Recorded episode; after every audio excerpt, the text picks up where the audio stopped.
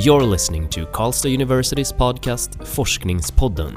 Here you'll meet researchers who take you on a journey to explore science. The podcast is brought to you by the publishing support team at Karlstad University Library.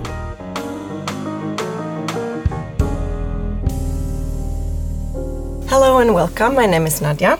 And I'm Magnus. And today we're going to talk about something that we think each and every one of you have come into contact with. But maybe without even knowing it, it's called phthalates. And uh, phthalates are substances that are used in plastic production. And for quite some time, they have been regarded as somewhat of a miracle compound.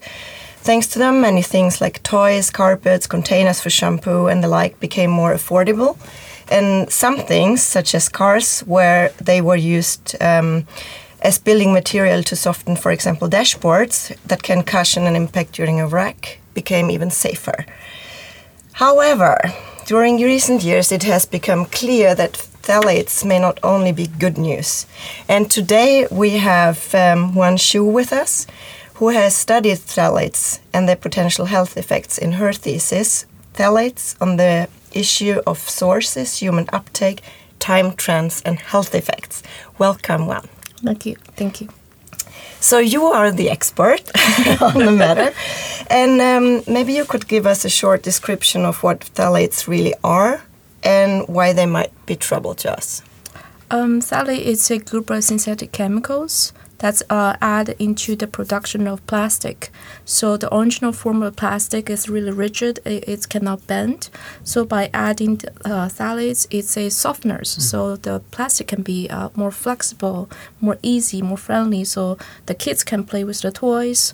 Uh, or there's another property of phthalate it can be used as a scent stabilizers so it can be added to cosmetics or perfumes or oh. personal care products so it, it is kind of a, a miracle chemical compounds Yep. Used in each and everywhere, kind exactly. of you can come in contact with it everywhere. Yep. But why is it trouble to us? Why is it a problem?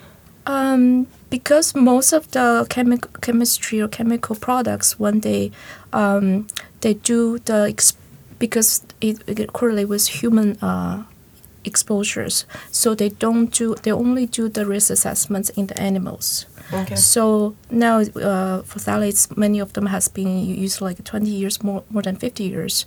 Um, then we start seeing a lot of the health outcome comes out.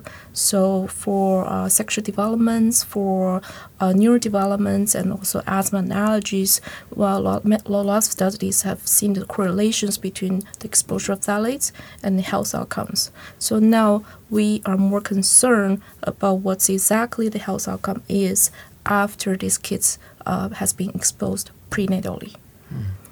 Yep. Okay. So, and in your thesis, you have investigated something that Nadia didn't mention. Actually, it's uh, PVC flooring. Uh, yes. Why did you choose that product?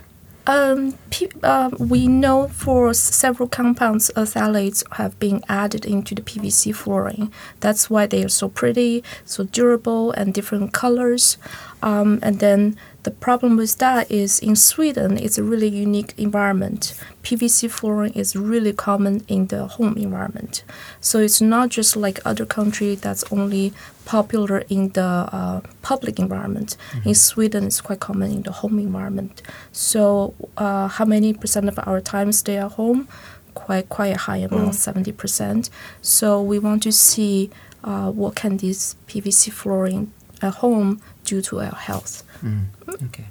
And how did you go about uh, studying PVC flooring in the homes in your thesis? Um, that's quite a good question. I didn't just go into people's homes start cutting their floor. No, uh, I wish I could. Yeah. Um, but uh, this is come with the. Uh, I really really appreciate the the study uh, being involved. That's the uh, Selma study, also located at Karlstad University here. Um, Selma study has really really rich data bank data source. Uh, we follow the kids uh, uh, prenatally. One mom is pre- pregnant around ten uh, weeks, and then now we are up to seven years uh, examinations. Mm. So with we have a lot of rich data. So we uh, by using questionnaires, we know what kind of flooring they have prenatally, postnatally. So at each time point, we have a really really accurate data uh, to, to, to see what kind of environment they have, and also we collect the, the urine samples. So that's how we learn about the PVC and phthalates. Okay. And and what would you say are the most in, important findings of your thesis? Um, I think there will be three findings. I think it's really important. The first important is we confirmed PVC flooring is uh, can, can impact to human uptakes, especially prenatally, because we see uh, 100% of th- uh, Selma women uh, the, the women who participate in the study, uh, they would uh, phthalate were detectable in their urine samples. That's quite a significant number. It's 100%. Everybody has phthalates in their urine. Mm-hmm. And the second one is we did find the correlation between prenatal mom's urine phthalate concentration and the kids at uh, one year old with uh, the airway disorder issues start coming up. We see the correlation between these two. Okay. And then the third one is most concerning one is uh, there are a lot of regulation on phthalates currently going on, but we can also see that the same patterns in, in mom, mom's urine as well. Mm-hmm. So we, we can see the regulation can make an impact on human as well. Okay. That's the third. So if you sort of get rid of the these um, floor floors and change it to other materials, then then the problems will be reduced. Yes, that, yeah. that that's exactly what we what we hope. But the problem is a lot of newer compounds coming. It hasn't been studied in the human as well. Mm-hmm. So we're in a way still oh, okay. in a guinea pig uh, field. Yeah, yeah. yeah. Okay. So we are everybody are the the these guinea pigs in this giant chemical soup. Mm-hmm. Yeah. Okay. But but I'm uh, wondering because um, you have studied these moms and they have homes and they have carpets, but we just um, heard that uh, the phthalates are in lots of different other compounds. How do you make sure that the numbers of phthalates that you find in the urine samples are from the carpets and not from something else in the environment? Okay. In, in our case, it was, wasn't a carpet, it was the PVC flooring. The oh, PVC, sorry. Yeah, plastic flooring. Yeah. Um, and then also for phthalates, uh, we, I think, if I remember correctly, we have 10 of the different compounds. The, the, each phthalate compound they use, the uh, property are different. Oh, okay. So, for example, DEP is one type of phthalates. It's only used in the uh, cosmetic. I, I, mentioned earlier they can mm. be used as a scent stabilizer, so the scent will last longer. So that's what DEP is for. And then, for example, the BBZP is another uh, compounds that's mainly used in the PVC flooring. Mm-hmm. All right. Yes. Okay, so you can distinguish between yes. the difference. Exactly. Okay. So in, in our study, yes. we didn't see the correlation between PVC flooring and DEP, but we see really, really, really strong correlation between BBZP and PVC flooring so that that sort of confirm our hypothesis uh, was on the right track. All right. Okay. Mm-hmm. Yep. Mm-hmm. And it impacted, you said, the respiratory tracts for children? Yes. Okay. Uh, my focus also on uh, croup cough in the children. Oh, All okay. right. Yeah. Okay. Mm. And that was significant, like you saw lots yes. of increase? So if moms, uh, had, if the uh, mom's home prenatally with the number of room with PVC flooring increase, the chance for the kids having croup cough at one years old, the odds increase as well. Okay. Yeah. Mm. And will, will you be able to continue study, study this within the Selma study to continue following these kids? or? Yes, uh, with our uh, we just finished the seven. On, uh, on we're finalizing the seven years investigation right now. Mm -hmm. So at seven years we have asthma, um, and also a lot of medical uh, doctor diagnosis uh, result coming out more in the airway tract as well so we can sort of uh, to see whether this finding can be extended for, for seven years as well mm-hmm. okay uh, how would you say uh, is the awareness of this, of the dangers of, of phthalates uh, within the industry? Uh, do they know about this already? Are they changing how they manufacture the floorings, or is this completely novel to them? Um, I don't think it's novel. They do know because as an industry, they have to, to think the cost and benefit.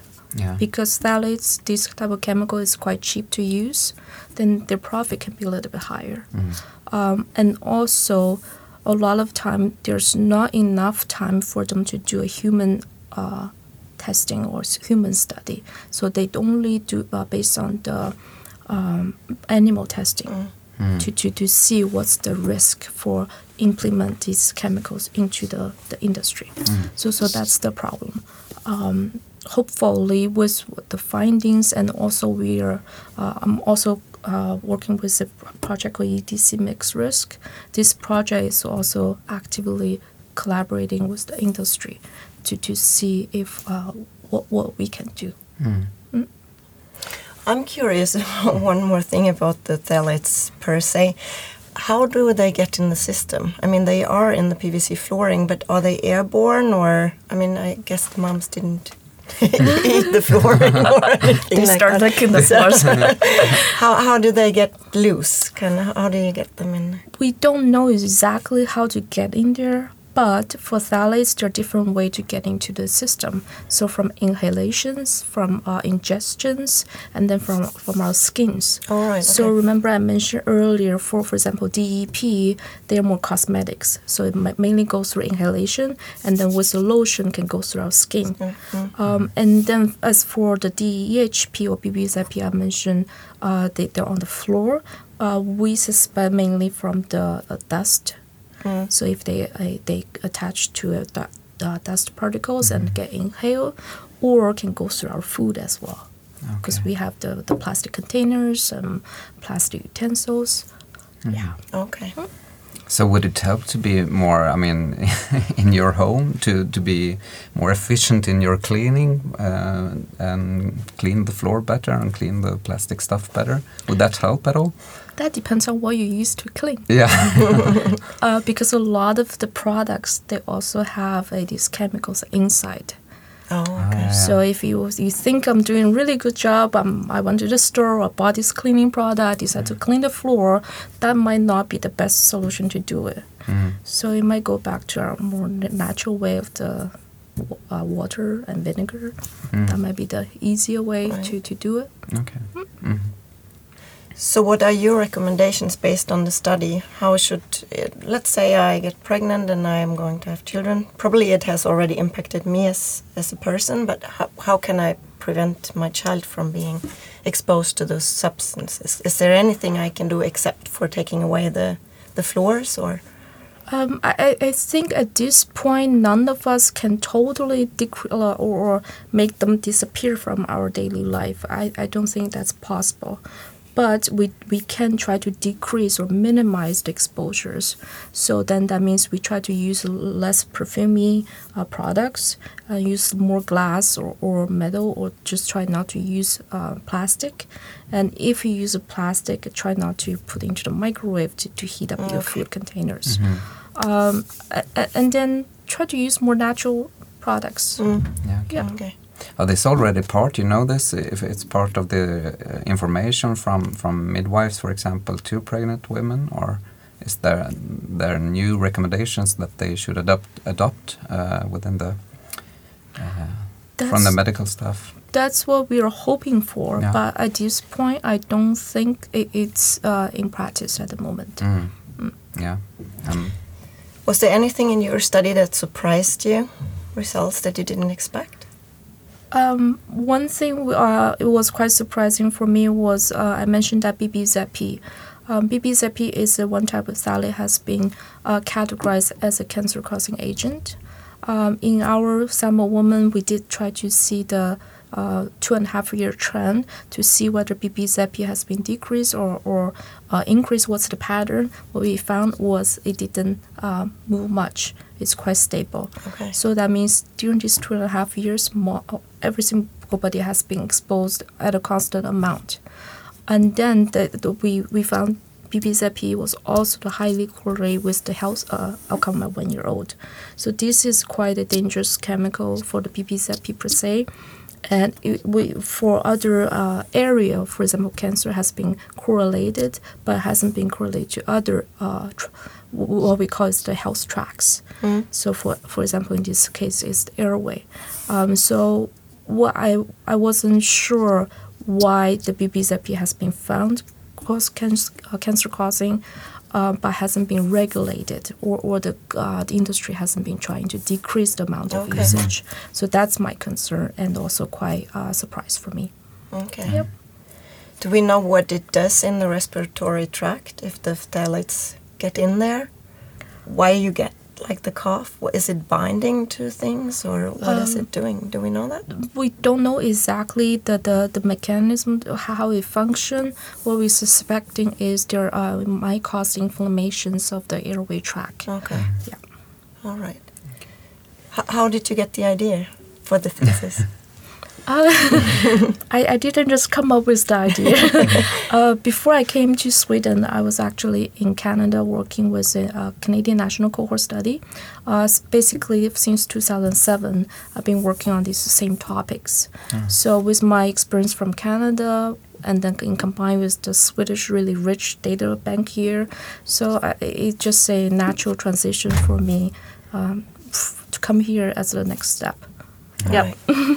And will you be able to continue studying if, uh, phthalates? Uh, Yes, Yeah. I am still working with phthalates at the moment. Um, I'm working at the Stockholm University at the moment, Yeah. uh, still having a collaboration with um, SEGE, the Selma study here. Um, we are trying, we're working together on EDC uh, Europe project. It's also known as a EDC mixed risk. So with this project, we are trying to hope um, in in the future for our next generation, they can uh, grow up in a more environment friendly or with less chemical exposure environment. mm, okay, interesting. I think we're Yeah. having to sum it up here, but uh, I think we could sit forever Yeah, now that yeah. we can pronounce phthalates. I'm still struggling though, but but um, just a last question: What is your best advice for PhD students that want to start a career in research? What did you learn from your time as a PhD student? Um, I think PhD student is quite uh, quite unique in Sweden. Um, because most PhD students here they consider them as themselves as a staff of the university, so they don't really consider them as a student anymore. But I think at the end of the day, we still need to go back to our official title is PhD student. So we, we shouldn't forget that we're a student and we should take this opportunity to learn as much as we can um, because you still can make mistakes. At the end of the day, you'll be excused from this mistake because you're still a student. Once you finish your defense, you get your degree, those mistakes cannot be made anymore. so nobody can excuse you anymore. You have to take the full responsibility. Yeah, right now you can push it back to your supervisor. yeah, Yeah. I think that's a great piece of advice. Very Yeah. warm thanks, Wan, uh, for guesting us here at Forskningspodden today. Thank and you. good luck with your upcoming research. And to our listeners, warm thanks for staying tuned, and we welcome you back next time. You have listened to Karlstad University's podcast Forskningspodden. The podcast is brought to you by the publishing support team at Karlstad University Library. All episodes can be found at kau.se slash forskningspodden.